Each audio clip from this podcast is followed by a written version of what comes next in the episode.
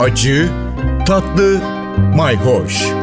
Yemek kültürü yazarı Aydın Öneytan'la bir tutam tarif, biraz da tarih. Merhabalar. Yerli malı haftasında yerli meyvelerle tarifler vermeye devam ediyoruz. Evet, İzmir'in incirinden Kastamonu'ya kadar uzandık. Kastamonu'da kestane de çok güzel. Erikleri özellikle üryani eriği bambaşka. Dağlar elmadan, erikten geçilmiyor. Bir de kadın tuzluğu veya zereşk diye bilinen Osmanlı zamanında mutfaklarda çok kullanılan bir meyveden bahsetmiştim. İşte ona yerli olarak karamuk diyorlar. Karamuk aslında e, tamamen yabani olarak yetişiyor ve bunun bir ekşisini yapıyorlar. Bir nevi kapkara sos gibi. Bu da kara çorba denilen bir çorbaya kullanılıyor. Tabi Kastamonu ağzında ona eğşi demek lazım. Hele hele Kastamonu'nun elma eğşisi dünyalara bedel.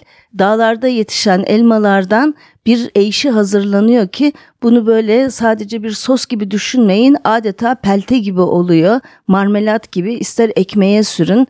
Ep ekşi ama tabii hoş bir tatlılığı da var.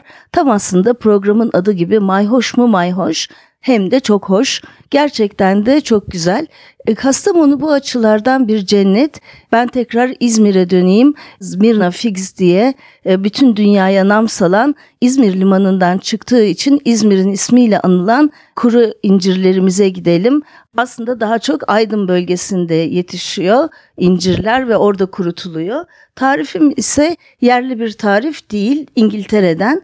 E, fakat bunu bir ekmek gibi de yapabilirsiniz, kek gibi de yapabilirsiniz. Ama yerli ürünlerle olduğu için uzun sürede dayanıyor. Çıt çıt ağza gelen çekirdekleriyle son derece hoş bir tarif. Üstüne tereyağı sürüp yiyebilirsiniz çünkü içinde hiç yağ yok.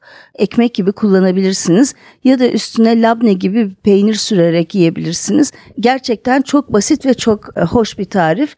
450 gram kuru inciri e, küçük küçük doğrayın. Eğer birazcık da renk katmak isterseniz birkaç tane de incir reçelini veya incir şekerlemesini de şöyle e, kılıcına yarım ay gibi dik dik doğrayabilirsiniz. Güzel gözükecektir.